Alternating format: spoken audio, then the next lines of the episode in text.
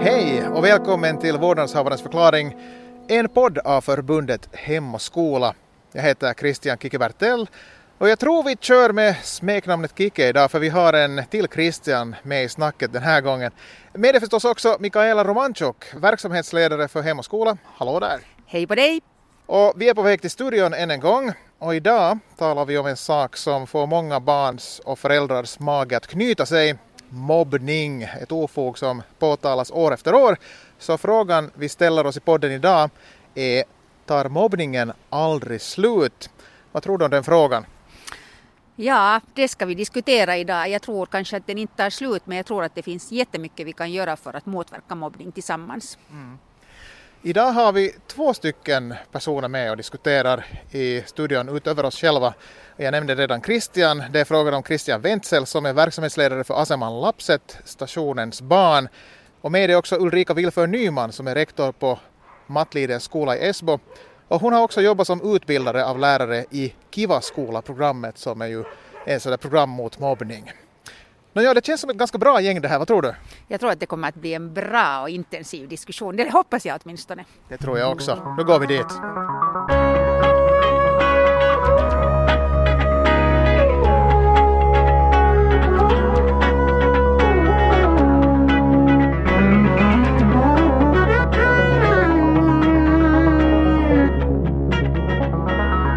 Hej Christian Wenzel och Ulrika Wilför Nyman. Välkomna till Vårdnadshavarens förklaring. Tack. Tackar. Vi kör en kort introduktion. Christian, du jobbar med någonting som heter Aseman Lapset. Vad är det?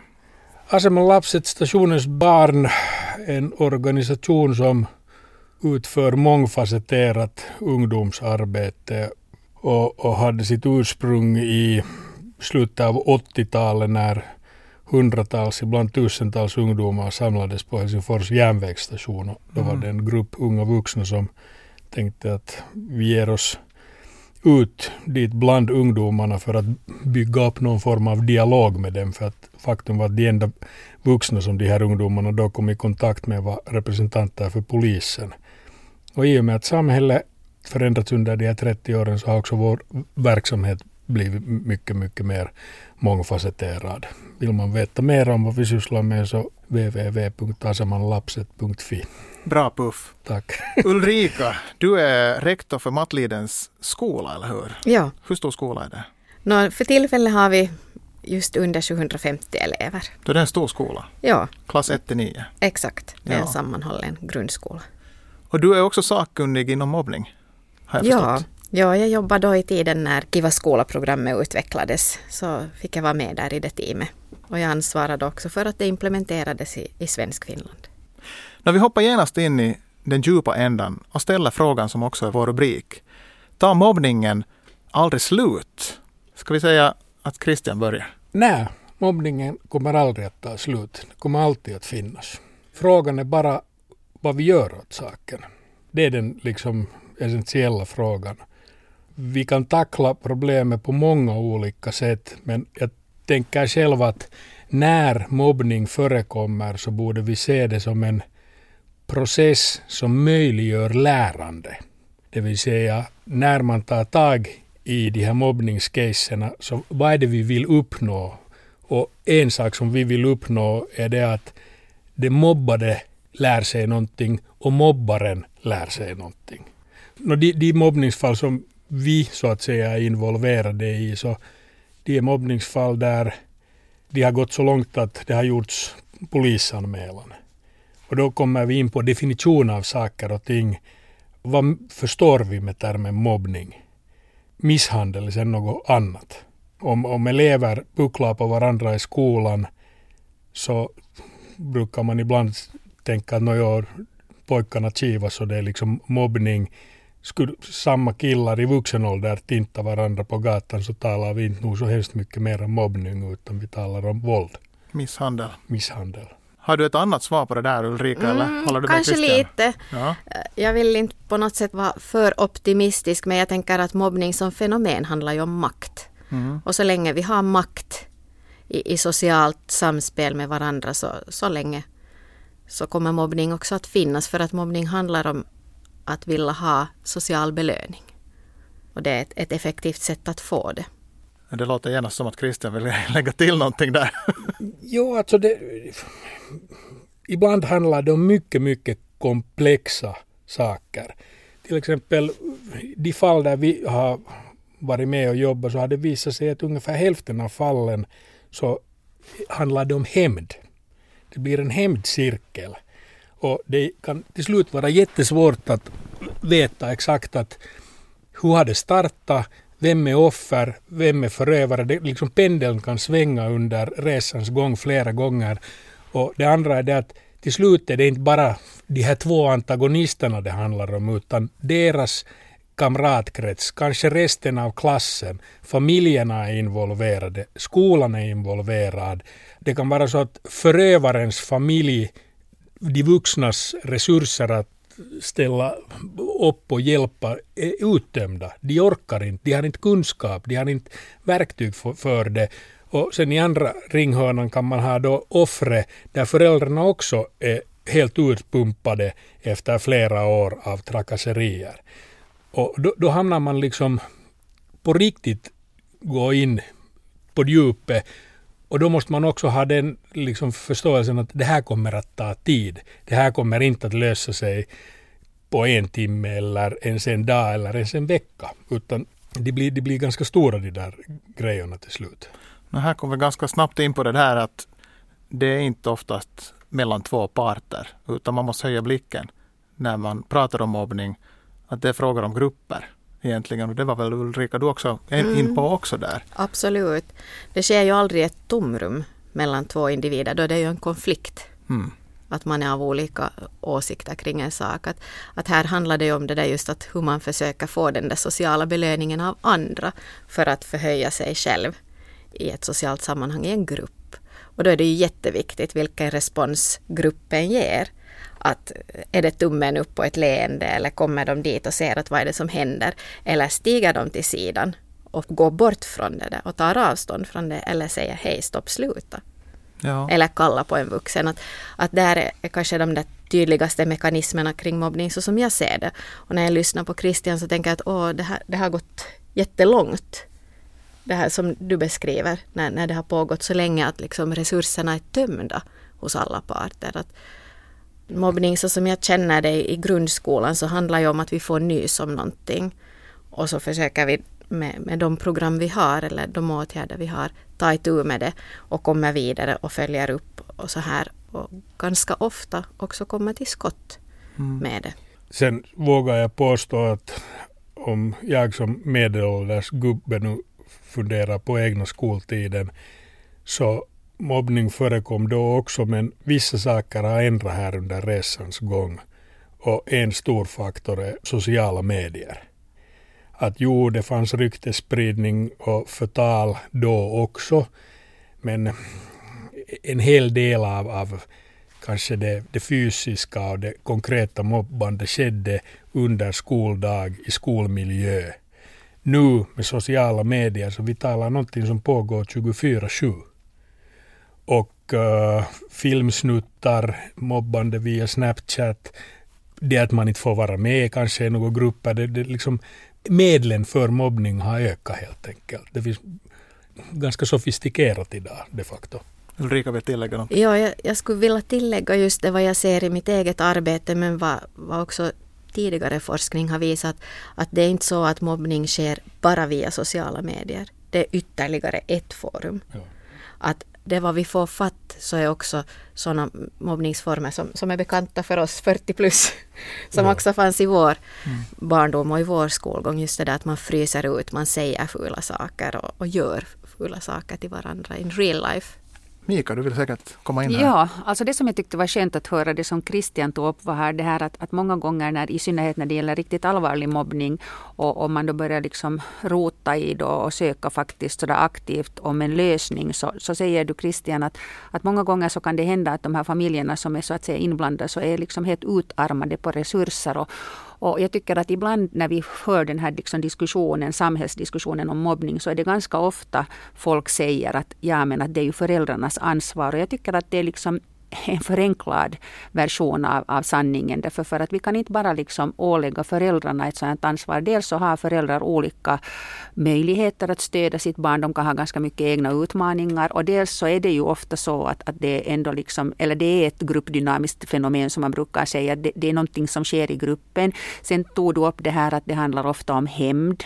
Så att det är ofta till och med ganska svårt att veta att vem är det egentligen som ursprungligen var det där offret. Det är så mångfacetterat. Men sen tänker jag också, associerar jag till det här när ni talar om hur det var när vi vi själva var barn och jag är ännu äldre än ni, jag är 50 plus, så tänker jag att, att det som ändå har skett i vårt samhälle, att nu talar vi om det här, vi, vi har olika program, vi är medvetna om att mobbning förekommer. Det är inte liksom lika tabubelagt mera, så att jag tänker att jag med mitt min hem och skolabakgrund så tycker jag att, att det skulle vara jätteviktigt att också ännu mera än nu tala om mobbning som det fenomen som det är och också ge föräldrar mera redskap i hur man där hemma ska och kan tala om mobbning. Och, och sen också det där att hur jag som förälder, liksom, hur jag agerar i olika situationer påverkar hur mitt barn vill agera. Att vi talade här innan ni kom så talade vi om det här att att om man ser att ett barn blir utsatt i metron eller i en spårvagn eller var som helst, att om jag då som vuxen ingriper och säger att hej, vad sysslar ni med? Så då är jag ju den där positiva förebilden. Att vi måste också gå till oss själva och fundera att hur agerar vi själva ute i samhället när vi ser att någon blir illa behandlad? Hur behandlar vi våra arbetskamrater? Hur talar vi om, om varandra vid matbordet? Att, att vi, ofta tycker jag att, att när man börjar tala om mobbning så blir det väldigt hastigt så att vi talar om mobbning som någonting som enbart skulle förekomma bland barn och unga. Men det är ju inte så. Vi vuxna sysslar ju också med det här tråkiga fenomenet. Mm. Du har helt rätt. Och det här är nu kanske ett lite fånigt exempel men jag har varje år funderat på det att vi lär våra barn att man får inte klanka ner på någon annans klädsel till exempel. Men sen efter den sjätte i tolfte så de kommande veckorna är tidningarna fulla med artiklar om vems klänning var ful och vems klänning var fin. Att practice what you preach helt enkelt. Mm. Exakt. Ett det här är bara en liten sån här petitess men det här ändå det där är ett bra litet exempel jag kan komma med ett annat. Det var ganska nyligen, jag var i en skola och drog en utbildning och, och det där man säger ju alltid åt barn, man uppmuntrar dem att genast om ni ser att någon blir mobbad eller utsatt så ska man komma till en vuxen. Och så såg jag en sån här hustavla i den där klassen och då var punkt tre, skvallra inte. Mm. Och det tycker jag också är liksom de här dubbla budskapen att vänta nu, om ett barn har en hustava i klassen där det står skvallra inte, vad betyder det för det där barnet? Kanske det betyder att jag inte ska nu gå till läraren och berätta om jag ser att någon blir utsatt. Att jag tänker att ibland så, vi menar så väl men det kan bli ganska fel. Och det där, jag tror att vi, om vi måste, ska försöka få bort mobbning och jag tror som Christian faktiskt att vi blir aldrig helt och hållet av med det. Men vi blir bättre på att hantera det och det liksom kommer att leda till att ingen behöver bli mobbad i flera år. Jag skulle bara helt kort vilja eh, just säga om det där med skvallra. Så det här tycker jag brukar försöka säga just när det kommer elever och vill berätta till mig att det finns en, en skillnad i att skvallra. För att skvallra har man oftast en elak avsikt. Det där som Christian säger att, att man vill liksom lyfta fram och poängtera att någon har en ful klänning. Det är jättemedvetet. Men att komma fram för att vilja hjälpa, det är inte att skvallra. Bra, mycket, mycket bra point. Mm. Ja, då vill man hjälpa en, en annan. Man ser att någon håller på med fult liksom, beteende mot någon annan och det är inte okej. Okay. Och jag vill sätta stopp för det och jag tror på dig att du kan hjälpa. Att, sen tänkte jag på det här lite som, som sades just om föräldrarna och hur, hur de är som modeller. Det tycker jag är en jätte, jätteviktig sak. Och, och framförallt förstås försöker jag ju lyfta skolans perspektiv och just det där att vi ska vara en förebild. Skolan ska vara en förebild för eleverna. Vi ska inte bara vara en spegelbild mm. av, av liksom samhällsutvecklingen utan faktiskt försöka rikta den där modellen till att vara förebilder för hur vi vill att barnen och unga ska hantera. Jag ska snart ge ordet åt, åt Christian. Jag ska bara fråga före att hur är det med verktygen som lärarna har mm. att jobba med just gruppdynamik som vi nämnde här. Att lärs sånting ut åt lärare? Exakt. Ja, det var faktiskt, jag antecknade här när Mika tog upp det här om föräldrar, att, att jag tycker att det finns en likhet och det är att vi har ett, ett fostringsuppdrag, både föräldrar och skolan. Men, men som jag ser det är en skillnad också i det här när det gäller mobbningsingripande och förebyggande. Att skolan har åtgärdsprogram och framförallt har vi ett uttalat uppdrag. Mm. Lagen om grundläggande utbildning säger att skolan ska vara trygg. Det, det, är ingenting som vi kan förbise eller tala bort utan vi har det. Det är oss givet i skolan, det uppdraget. Att garantera att alla elever ska ha en trygg skoldag.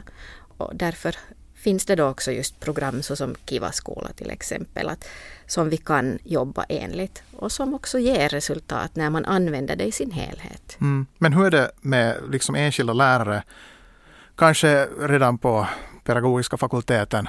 Känner du till, får de lära sig liksom att hur man ska hantera grupper och, och på det viset komma åt mobbning? För att om det är frågan om grupper så alla söker sin roll som sagt i en grupp. Alltså att man förstår vad, vad man har att göra med när man har en klass nu är det några år sedan då jag gick ja. min, min utbildning där, så jag, jag, kan inte nu riktigt ta ställning till hur det är idag. Men så där, överlag tänker jag att som pedagog, om du får en magistersgrad i, i pedagogik, så då ska du ju kunna också omfatta liksom att jobba med grupper och gruppdynamik och hur du leder arbete med unga i grupp. Och, och får du då program, åtgärdsprogram eller så här, så ska du nog utan större liksom skolning av tio studieveckor mm. i just den problematiken kunna jobba i enlighet med det. Och de program som jag känner till som används i grundskolorna idag, de är jättefint uppbyggda att man kan faktiskt genomföra. Och självklart är det ju då på, på utbildningsanordnarens bord också att se till att lärarna får, eller personalen får, handledning i hur man jobbar med det. Christian, du hade någonting att komma med här innan. Jo, alltså bara en sån sak som vi har mött på flera gånger är det att tyvärr så ökar den här polariseringen och också marginaliseringen i vårt samhälle. Och jag menar, I må många fall så kan det vara så att föräldrarna till både offer och förövare så de har kanske mist sin tilltro till det var det här, de verktyg som det här officiella samhället har att erbjuda misstror myndigheterna, misstror skolan, misstror alla och då hamnar man så att säga börja från början. Då går en stor del av tiden åt till att bygga upp det där förtroende mellan till exempel skola och de här familjerna. Och sen när vi har konsensus kring förtroende, sen kan vi så att säga börja bearbeta saker och ting. Mika? Ja, ja det där, jag, tänker att det, jag tänker att man i skolan ännu mera än nu borde jobba så där som brandkåren jobbar. Det vill säga att, att brandkårens viktigaste uppgift är ju de facto inte att släcka elder utan att försöka se till att det aldrig börjar brinna. Och ibland så upplever jag, och det är säkert beror på många olika saker och, och någonting som jag själv upplever är att, att det är alltid så bråttom i skolan och det ställs ganska höga krav på lärarna och det ställs väldigt höga krav på eleverna och läroplanen blir liksom mer och mer innehåll i den och det känns som det inte riktigt skulle finnas tid för det som jag tycker att skulle vara det allra viktigaste. Det vill säga det här förebyggande arbetet. Och Christian är inne på det som jag tycker att det allra viktigaste, att skapa det här förtroende. För att om man har ett förtroende mellan hemmet och skolan, om, om jag som förälder blir kontaktad på grund av att mitt barn är med om en mobbningssituation och kanske till och med den här mobbaren. Om jag känner att den här skolan vill mitt barn väl, om jag faktiskt har en tilltro till systemet och rektorn och så vidare, då är jag liksom mottaglig för det här budskapet.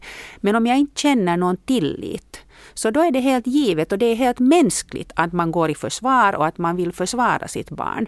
Och jag brukar säga, jag har i tiderna också jobbat med mobbningsproblematik och föreläst mycket om det, att jag brukar också säga att det är på sätt och vis en förälders uppgift att försvara sitt barn. Att jag brukar ta en, dra en sån parallell att också liksom de största skurkarna i vårt samhälle ska ha en försvarsadvokat.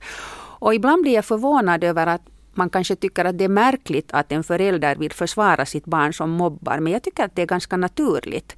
Men om jag känner att skolan är, liksom är på min sida, om jag känner att, att skolan tycker om mitt barn, vill hjälpa mitt barn och mig, då är jag mera benägen att så att säga samarbeta.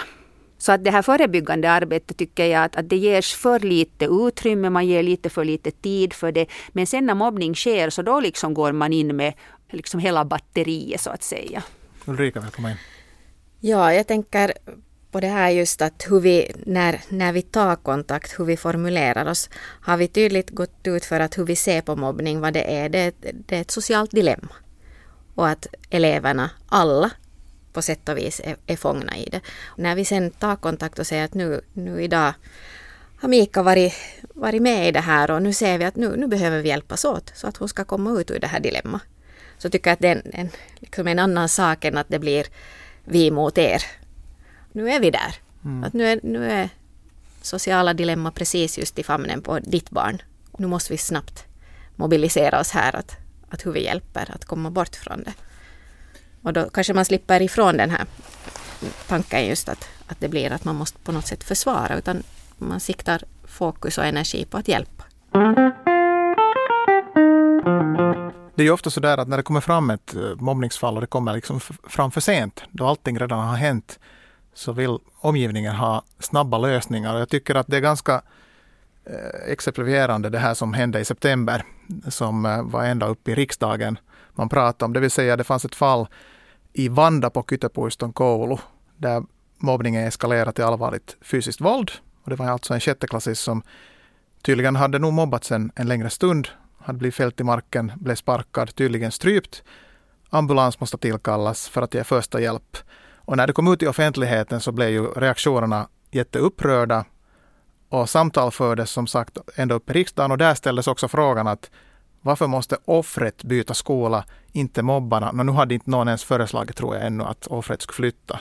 Det är väl dessutom ett eh, beslut som föräldrarna alltid gör, inte skolan i sig. Men alltså att man vill ha snabba lösningar nu och det känns i ryggmärgen som att det där skulle kanske vara den lösningen, för man vill ju eh, instinktivt skydda den mobbade i det här sammanhanget. Men vad säger ni liksom om den här reaktionen här att ni är ju ändå professionella. det, det, har varit i, i media några sådana mycket, mycket grava fall där grovt våld har varit involverat. Och sen när man har, för vi är faktiskt involverade i en del av de här caserna.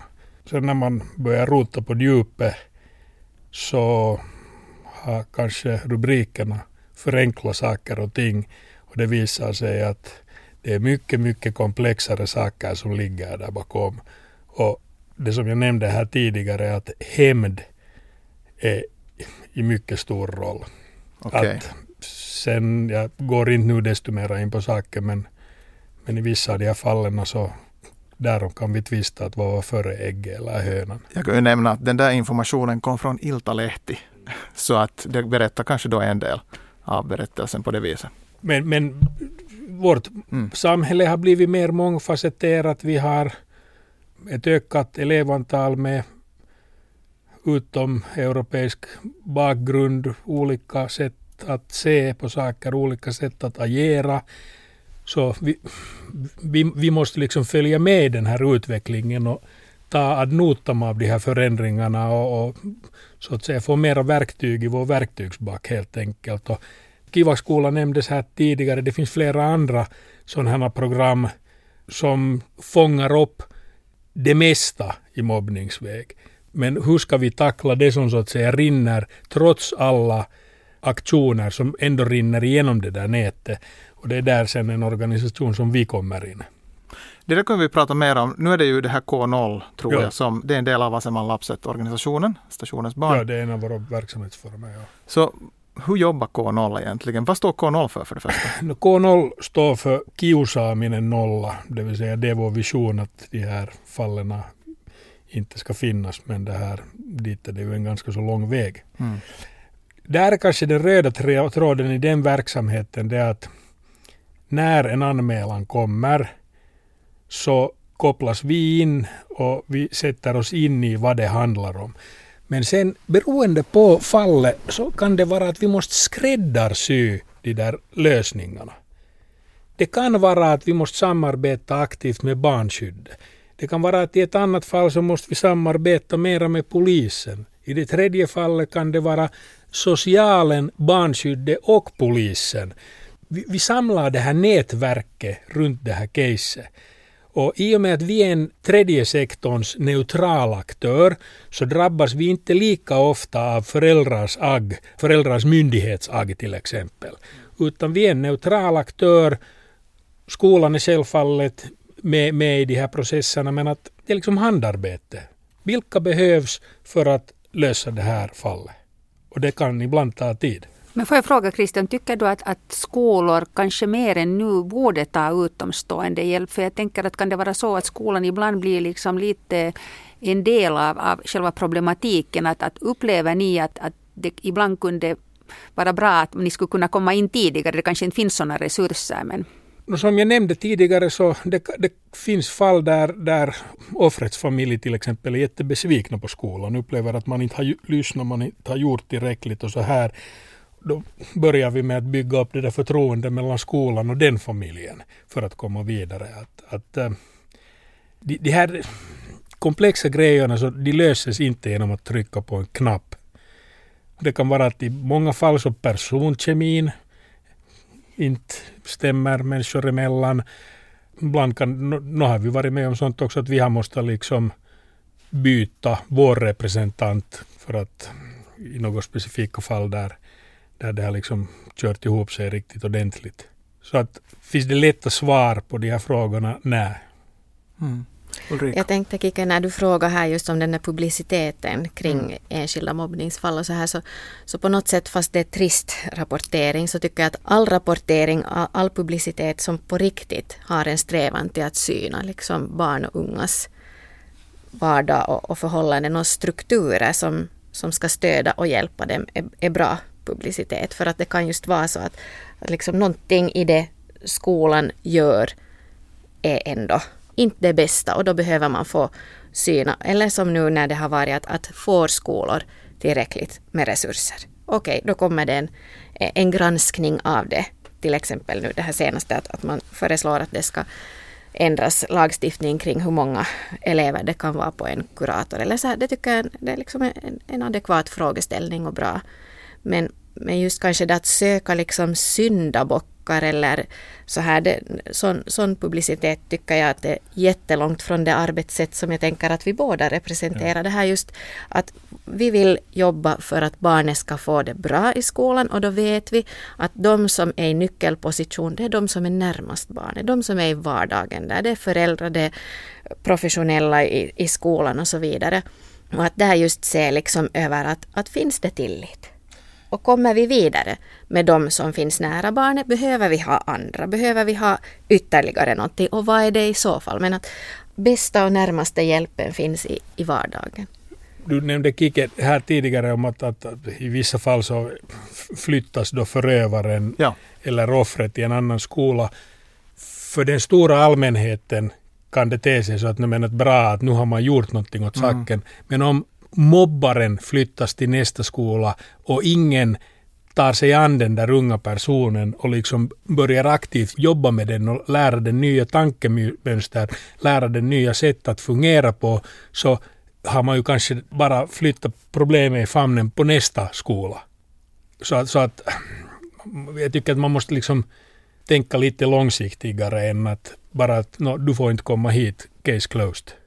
Det känns lite som att det inte bara elever i skolor som ska lära sig saker utan också föräldrar med tanke på att alltså det är just en sån här att uh, man tänker sig att det är en straffsituation. Att, att man vet direkt vem som är skyldig, som sagt, du sa syndabock. Och det strävar ofta nyhetsrubrikerna som nämndes, att de berättar inte hela storyn. Jo, och det, jag förstår mycket väl att mm. folk får blodad tand och vi skulle vilja se det där straffet utmätt. Mm. Men vi måste tänka längre än så. Vi kommer att kunna utmätta ett vettigt straff, men om förövaren bevisligen har problem som leder till ett, en viss form av negativt beteende, så vad ska vi göra åt den saken? Och vems uppgift är det att ta tag i det? Därför är de här grejerna inte svartvita. Mm, jag tänker, jag är nog inne på just det här samma, att det att man tar till mobbning, det handlar ju om att, att man har inte bättre medel mm. i att hitta sin roll i sociala sammanhang. Och det är, man behöver ju hjälp då för att hitta bättre medel. Det är ju det som jag tänker att, att man behöver liksom sikta in åtgärderna på. Jo, men vi, jag tror också det att det här vårt samhällsklimat har hårdnat. Vuxna människor är fruktansvärt fräna mot varandra i sociala medier. Och det här med empati och mekanismerna hur man kan bearbeta sina egna känslor, lära sig tekniker hur man kan slappna av, lära sig att ta emot motgångar, hur, hur man bearbetar sånt. Så det borde liksom läras ut i allt tidigare ålder. På tal om det, jag, jag intervjuade undervisningsminister Li Andersson här i, i veckan. Då pratade vi kort faktiskt lite om, om mobbning och hon berättade där i det sammanhanget en sak som inte jag kände till. Det här med att eh, det finns pågående projekt där man håller på med utvecklandet av så kallade socioemotionella färdigheter inom småbarnspedagogiken. Att man går verkligen från början och lär ut att, att känna igen känslor helt enkelt. Och Ulrika nickar genast igenkännande. Vill du fylla på? Nej, det har visat sig alltså att barn och unga idag har mycket svårare att identifiera till exempel ansiktsuttryck. Mm. De vet inte vad, vad den här känslan betyder och hur ska jag respondera på den. Vanligt medmänskligt beteende. Att visa också att hej, jag förstår dig, jag vill stödja dig, jag vill hjälpa dig. Eller som då en som använder det fel, att hur kan jag dra nytta av att mm. du känner nu rädsla för att få mera makt i gruppen. Det, det. Stationens barn har en lösning på det här också. Vi har vårt Fun Friends-program som, som handlar just om, om de här frågorna. Så att vi utbildar också förskolepersonal i den här metodiken som är ganska använd i detta land i detta nu. Okej. Okay. Men det är ganska färskt ändå kanske? Vi har hållit på i tio år. Ja, okay. alltså jag har också någon gång varit med då när jag själv jobbar med mobbningsfrågor med att utbilda lärare i ett program som heter Stegvis. Det kommer ni kanske båda ihåg. Och det handlar just om att lära barn att liksom hantera sociala situationer på ett bra och medmänskligt sätt. Men det som faktiskt jag tänker på när vi diskuterar, att det är ganska intressant att, att vi, vi sätter jättemycket tid på att diskutera mobbning när det uppstår, men, men vi sätter kanske inte in de rätta verktygen i skolan. Att då när jag utbildade i den här metoden stegvis så alla lärare som gick den här utbildningen sa att det här är jättebra, det här är en jättebra metod. Men så sa de, men vi har inte tid att ha det i skolan. Och då tänker jag att vi har nog tid med handar, det heter inte så, men textilslöjd och religion och vi har hur mycket matematik som helst och så vidare.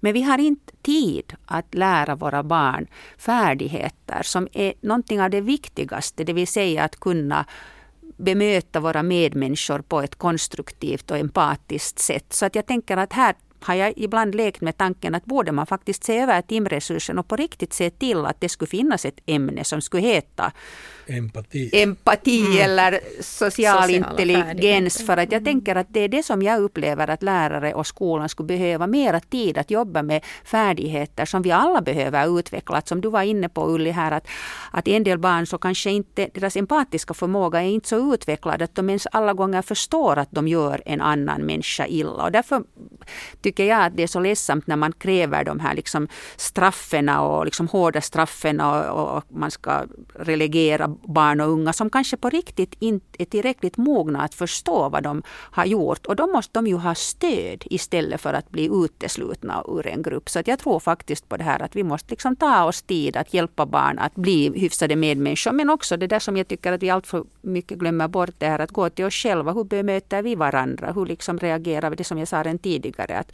att vi måste börja där. Och jag tänkte egentligen fråga dig Ulli när jag talar om det här förebyggande arbetet.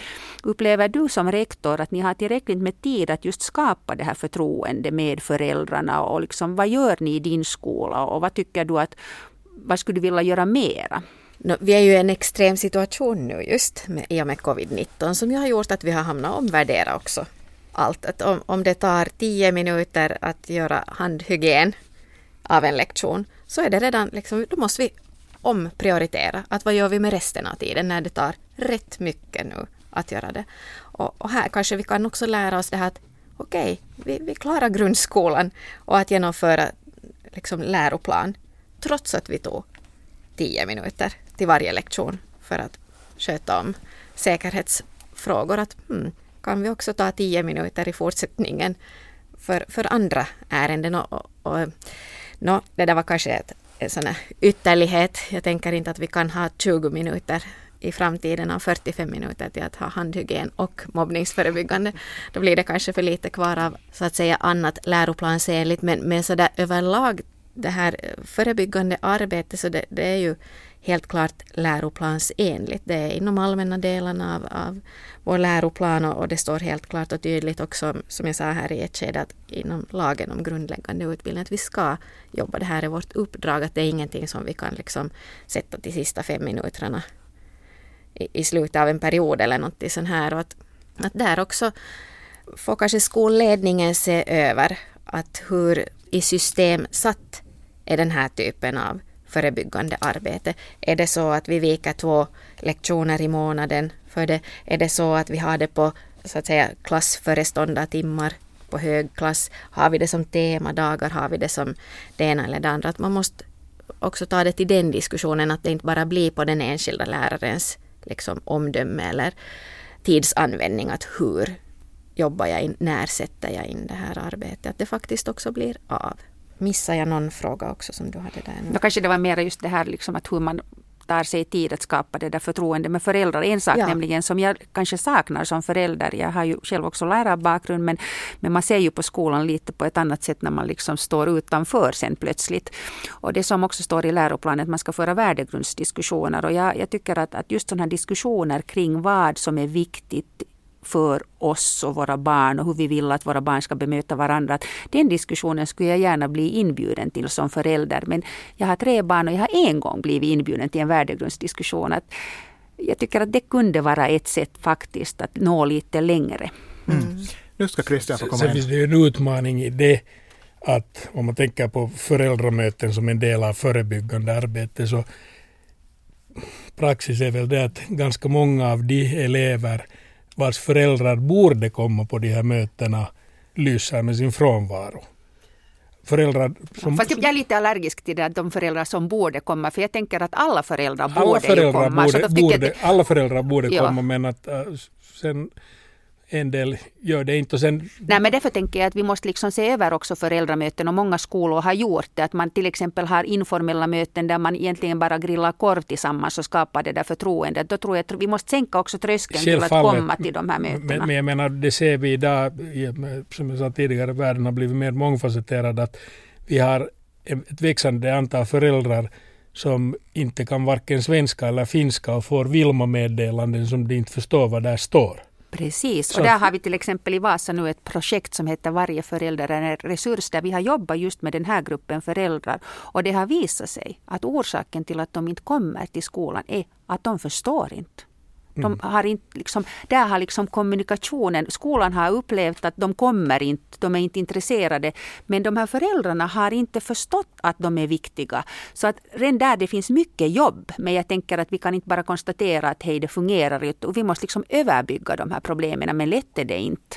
Varsågod, kommentar. Ja, jag tänker ännu på det här som Mika sa om strukturerna för hur skolor jobbar för att just öka den där förståelsen och, och tilliten till det här arbetet som sker i skolan så, så där tycker jag att i och med att läroplanen så starkt nu betonade så finns det nog inte en skola som har kunnat liksom sätta det till sidan. Att alla har, har på något sätt nog tänkt till om det. Problematiken är kanske just det där att, att det kräver en hel del också att kunna leda ett föräldramöte.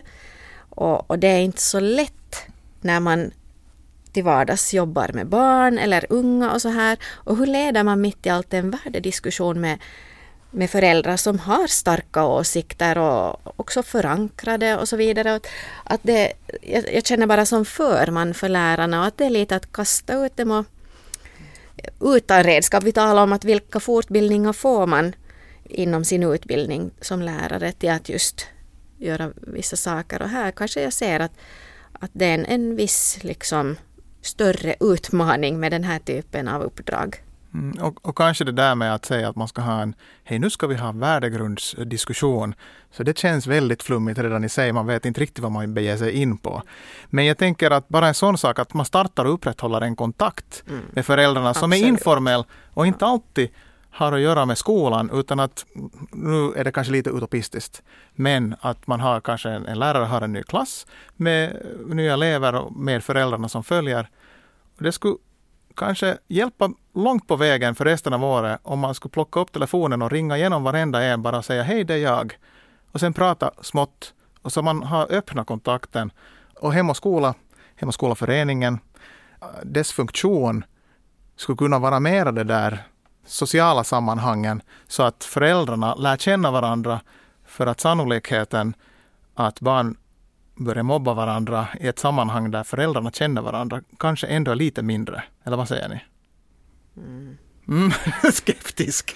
No, jag är ju, Både och kanske. Ja, men jag är nog ganska övertygad om att om föräldrar känner varandra så tror jag nog att mobbning kan förekomma i alla fall. Men jag är helt övertygad om att det är lättare att lösa det om mm. det finns liksom en gemenskap och en trygghet och liksom ändå någon slags sån här känsla. Det beror på vad föräldrarna tycker om varandra. No, jo, jo, precis, men alltså utgångsläget då att om föräldrarna mm. har lärt känna varandra och mm. skapat den där känslan av gemenskap. Att där upplever jag nog att föräldraföreningarna menar kunde ges den här möjligheten att vara den där föreningen som skulle skapa gemenskap och, och välmående. Att många föräldraföreningar upplever att, att de bara ska generera pengar och då, då kanske de liksom inte hinner och orkar med, med, med den dimensionen. Men jag tänker det här som du sa Kiki, att ringa upp, att det är just en sån här liten förtroendeskapande handling. Att, och jag håller med det som du säger Ulli, att det kan vara utmanande att föra en värdegrundsdiskussion. Men redan det där att, att göra lite annorlunda föräldramöten som skolor de facto har blivit ganska bra på idag. Att, att det är de här informella träffarna där föräldrarna till exempel får ställa frågor istället för att läraren bara berättar. En, en grej idag är ju nog det att eh, de här mobbningarna är inte isolerade händelser nödvändigtvis i en specifik skola utan förövaren kan gå i en skola och offret i en annan mm, skola och en hel del av det här sker utanför skoldagen. Så att då talar vi genast en komplexare situation än det att klass 3Bs alla föräldrar får kring men, samma men bord. Men inte är en poäng att föräldrarna känner varandra för att de har kontakt med barnen efter skolan. Medan lärarna har bara under skoldagen. Jo, men, men vi har många fall där eleverna går i olika skolor ja, så då kan jo, vi inte förvänta oss ja, kanske precis. Det är sant, att det också. föräldrarna är bästa du och broder med varandra nödvändigtvis. Mm. För att ungarna bryr sig inte om kommungränser eller eller, eller vilken dylikt. gräns som helst mm. egentligen. Just det där föräldrars kännedom om varann så ser jag liksom ur ett sådant perspektiv att det är helt klart friskfaktorer. Alltså det, mm. när, när barnen blir också äldre att man har ett nätverk och kännedom om vem barnen rör sig med, att man kan hjälpas åt. Det behöver inte bara vara klart till fördel i mobbningsförebyggande syfte utan också i, i li, livet som stort, som ung, ja. växande, så är det helt klart en, ett verktyg i livet. Ja. Jag tänkte att någonting positivt kan man ju ändå säga mot slutet. Mobbning är alltid så, eh, det, det är aldrig bra. Men jag läste här innan vi började vår diskussion så pratade jag med Mika och så sa jag att i den senaste skolhälsoenkäten så ska 5 procent av alla elever i grundskolan ha meddelat att de mobbas regelbundet, vilket är illa nog.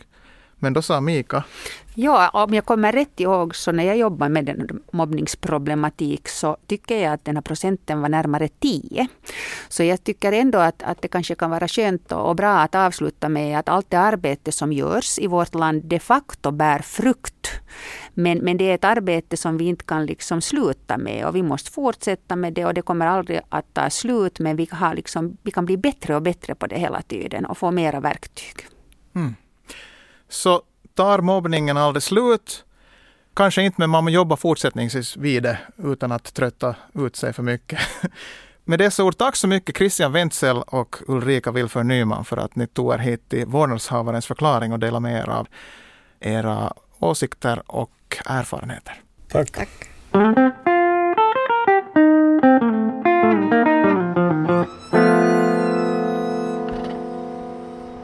Jaha, det var det. Du har hört på en podd av Hem och skola. Den heter Vårdnadshavarens förklaring och eh, nu har vi kommit ut från studion med Mikaela. Hur känns det nu så här efter ja, nästan en timme av mobbningssamtal? Det känns bra. Det var en bra diskussion och det här är säkert någonting som vi kanske kan återkomma till. Absolut. Det finns många aspekter man kunde plocka upp i, i kommande avsnitt. Jag såg faktiskt en ganska färsk sak. Jag läste till exempel i novembernumret av den svenska tidningen Läraren som ges ut av Lärarförbundet i Sverige att i Gävle skolor uppskattas mobbningen vara 40 procent mindre än i resten av riket. Vad tror du att det kan bero på enligt den här artikeln? Ja, jag tror att ju mer man jobbar i förebyggande syfte desto mindre mobbning förekommer, kanske. Kanske någonting sånt. Nå, förklaringen som ges där är att man fick koll på läget genom återkommande enkäter varje termin och genom åtgärder anpassade efter varje skolas behov och så skrotar man antimobbningsprogrammen. Det känns som att vi kan återkomma till det här mobbningsämnet från ett nytt perspektiv igen snart. Det tycker jag vi gör, Kike. Jag heter Kike Bertel. Och jag heter Mikaela Romantjuk. Vi hörs i nästa avsnitt där vi ställer frågan Är skolan för självupptagen? Ha det gott!